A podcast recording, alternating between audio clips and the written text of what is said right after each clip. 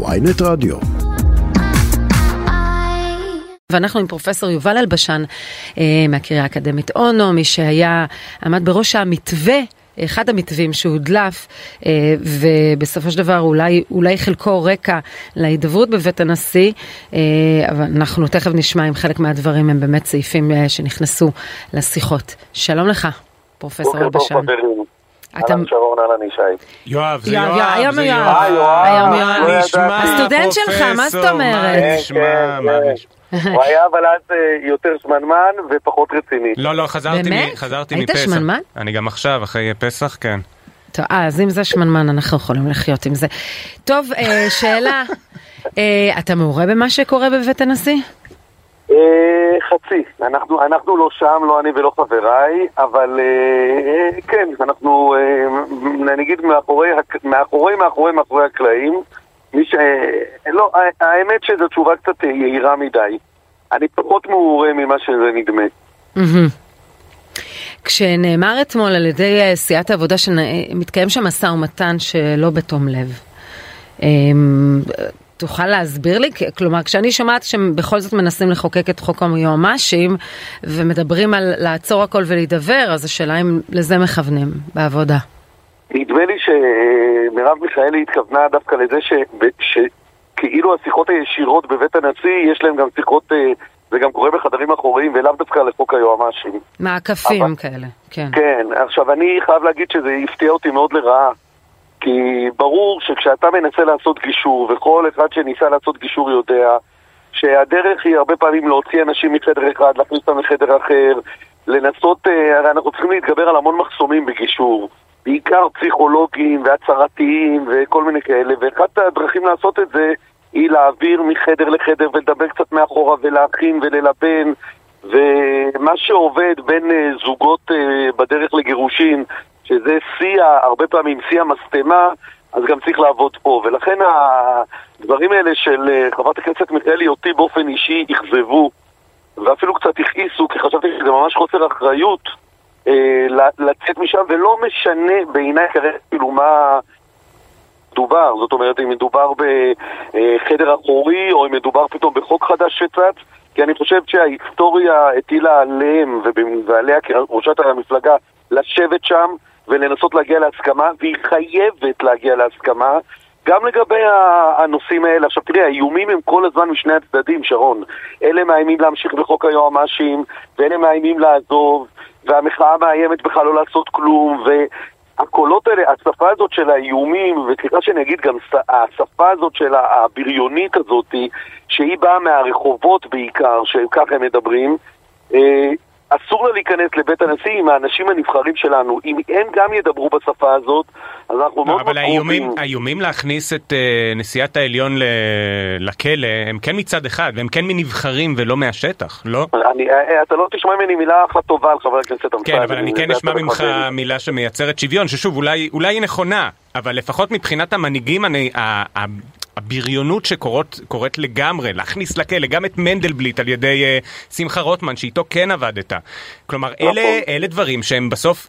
כשהרשות הפוליטית רוצה אחיזה ברשות המשפטית ומאיימת במקביל על הכנסה לכלא, זה יוצר חשש מהמוטיבציה שלה, שאני חושב שאפשר להבין אותו, לא? אני, אני, אני, קודם כל אני רוצה להגיד לך, זה לא הרשות המשפטית, זה הרשות השופטת. השופטת, סליחה.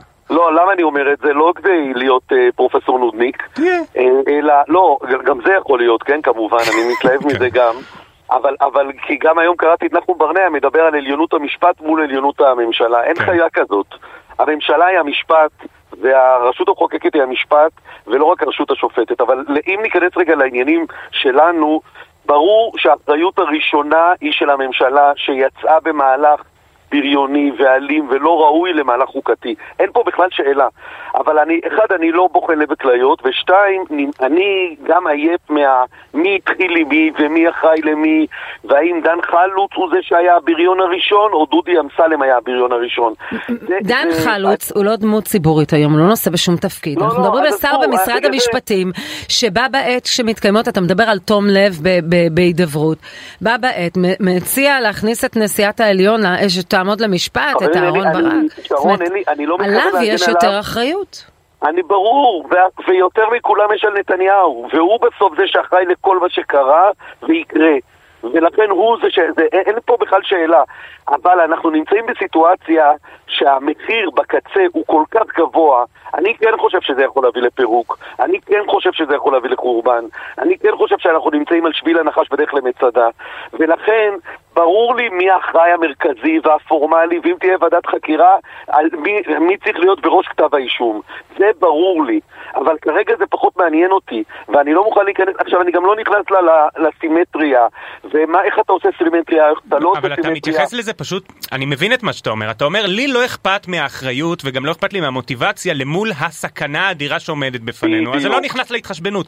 אבל אומרים לך, המתנגדים לרפורמה, אבל זה כל העניין, המוטיבציה היא עצמה הרפורמה, כלומר זה הסיבה שהם מנסים להעביר אבל, אותה, אבל, אי אפשר בסדר, לעצור את זה בדלת.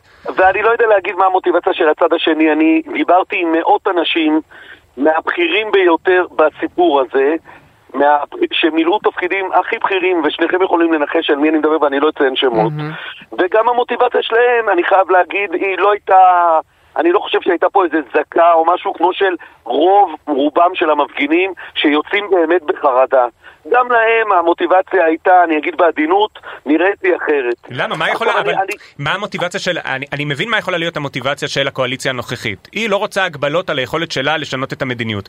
מה המוטיבציה של המוחים לדעתך שיכולה להיות לא ראויה? הוא רמז, להחליף את השלטון. לא של המוחים, סליחה, של האופוזיציה. בוא נעשה הבחנה. יש המוטיבציה להפיל את הממשלה, מאוד פשוטה. נו בסדר, זו מטרה פוליטית לגיטימית. לא, בפוליטיקה, הממשלה הקודמת לא הצביעה על אף חוקים שאפילו מיטיבים עם האזרחים, כי אמרנו, אנחנו רוצים להפיל את הממשלה, זו מטרה. אני מסכים, הכל לגיטימי וכולם זה, והכל בסדר, והם צודקים, אבל בסוף לא תהיה לנו מדינה. והבעיה הגדולה היא... שכל האנשים שפועלים ככה במין איזה טקטיקה מתוחכמת של פה נפיל ממשלה, או פה נעביר את חוק היועמ"שים, ופה נדבר לבייס כמו אמסלם, ופה נדבר לבייס של אה, קפלן כמו לא יודע מה חלוץ, כל האנשים האלה בסוף שוכחים שיכול להיות שמהמשחק הטקטי המאוד מתוחכם של האנשים המתוחכמים האלה, תיפול לנו המדינה. אבל פרופסור, אולי זה לא משחק טקטי, זה הכל, זה אולי לא משחק טקטי, אולי כשדודי אמסלם אומר שהוא רוצה להכניס את חיות לכלא, הוא רוצה להכניס את חיות לכלא, נקודה. אז רגע, תקשיב, והיה, אני לא חושב שזה יכול לקרות בשום סצנריו. ואני דיברתי עם מספיק אנשים שאני יודע שהם מוכנים, שדווקא במקרה הזה, לא נעים להגיד, הצד השני שהוא התחיל, והוא הבריון, ואני מסכים לכל מה שתגידו, היה מוכן יותר לפשרה, אבל אז תצא לרחוב. זה סיפור אחר. אבל אתה כרגע יוצא לרחוב כשיש. בעיניך, זהו, בעיניך ההפגנות הללו מיותרות כל עוד יש הידברות? תראה, מה זה מיותרות? מאחר וכמו שאתם ציטטתם, גם הצד השני לא טומן את uh, ידו בחול, אה, והוא גם אה, ממשיך אה, לעשות דברים שהם לא אמורים לעשות, ולומר דברים שלא אמורים להמר, אז זה לא רק שיש כוח נגד. אני גם חושב שהכוח נגד הזה הוא זה שעזר גם לאנשים כמונו להגיע להרבה מאוד הסדרים ונסיגות של הקואליציה ושל יריב לוין ושמחה כן, רוטמן. ראינו את נתניהו אומר לערוץ 14 כבר שהוא פסקת התגברות ב-61, זה כבר לא רלוונטי. זאת אומרת, הוא היה יכול לראות פסקת התגברות ב... רוב משמעותית יותר גדול, אז אנחנו לא, כן רואים. אני רוצה להגיד לך משהו על מה שאמר נתניהו. כשהוא אמר פסקת התגברות עוד 61, גם כבר במתווה שלנו הסכים לוין שפסקת התגברות, אם היא תיעשה בפחות מ-70, היא תיכנס לתוקף שישה חודשים אחרי מועד השבעת הכנסת הבאה.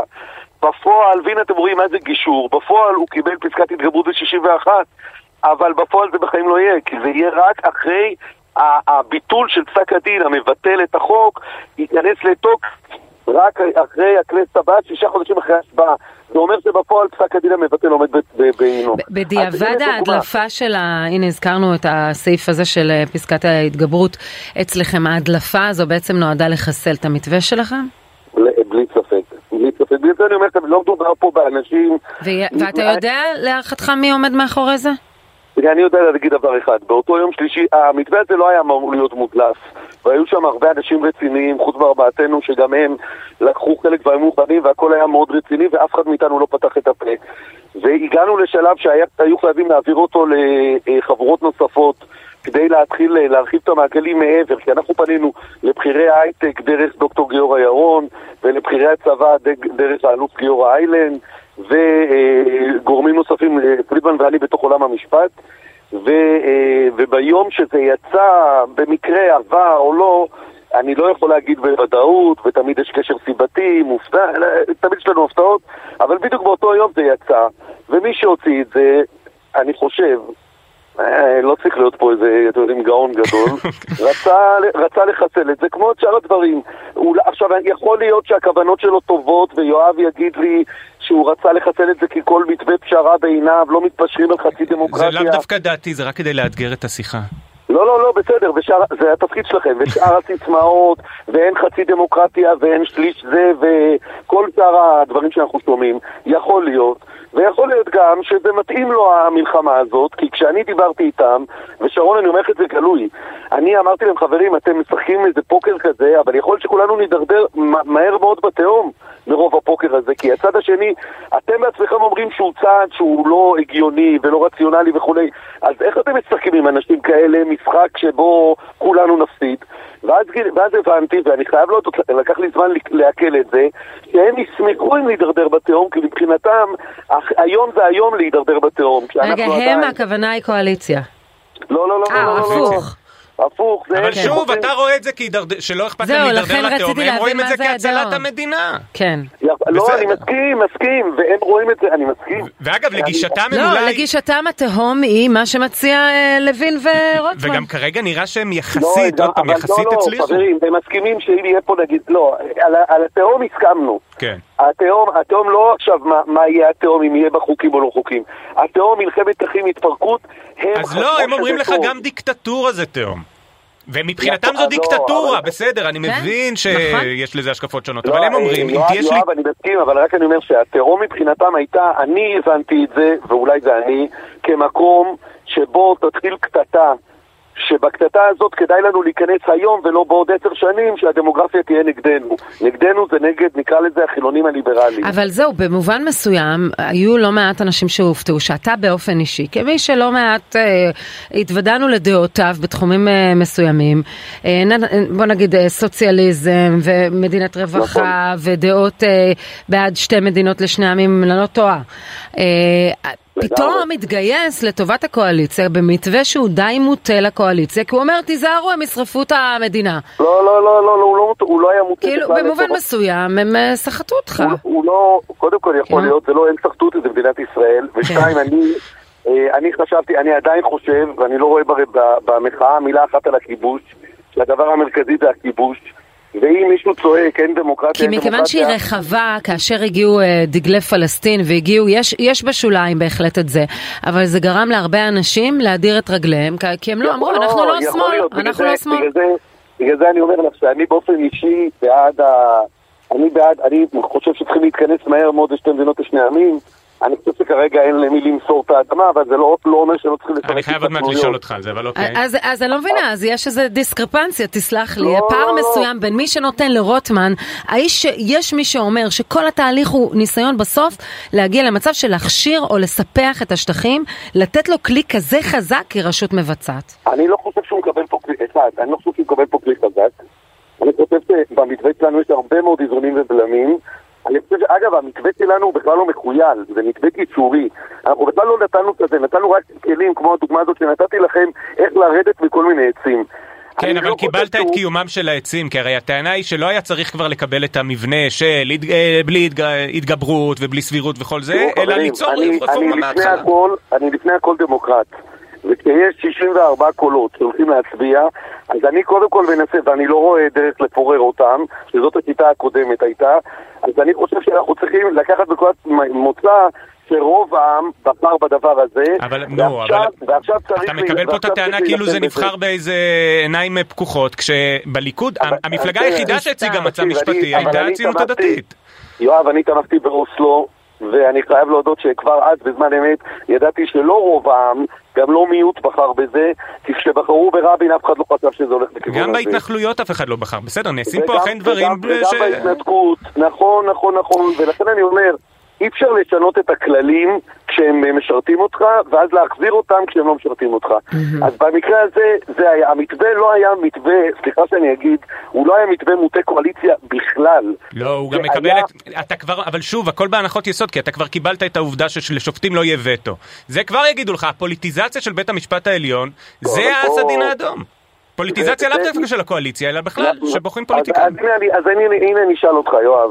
האם באמת לא קיבלתי את העובדה, לא נתתי כוח פה לשופטים, כאשר, כדוגמה, בשיטה שלנו, לא מבלבל הראש למאזינים, של תיבת נוח, שאחד הקואליציה, אחד האופוזיציה בוחרים כל הזמן, קודם כל נתתי רוב, נתתי כוח למיעוט ואולי גם לערבים. נכון, אבל קיבלת את התפיסה שפוליטיקאים ממנים. שופטים נקודה. שנייה, והפוליטיקאי יכול למנות רק לחמש שנים, ואם הוא מקבל אצבעות של אחד מארבעת השופטים, אז זה עולה לשמונה, ואם הוא מקבל שני שופטים, זה עולה לכהונה שלמה. כן, אבל בחמש שנים הראשונות אני יודע כשאני הולך לבית המשפט העליון שהשופט שלי הוא או שמאלני או ימני, נקודה. פוליטי. מקבל בוא את נתחיל זה. מזה, הוא פוליטי. אתה לא תדע את זה כי הוא לא יכול, לא לבחור בשנתיים הראשונות, להכריע בשום דבר שהוא פרופסור, חוקתי. כן, פרופסור אלבשן, אנחנו חייבים, גם- ההתפלפלות הזו לצערי אין כן, לנו לא. זמן, כן, אבל אבל- אני, משפט לסיום, איפה נכשלת בחשבון הנפש?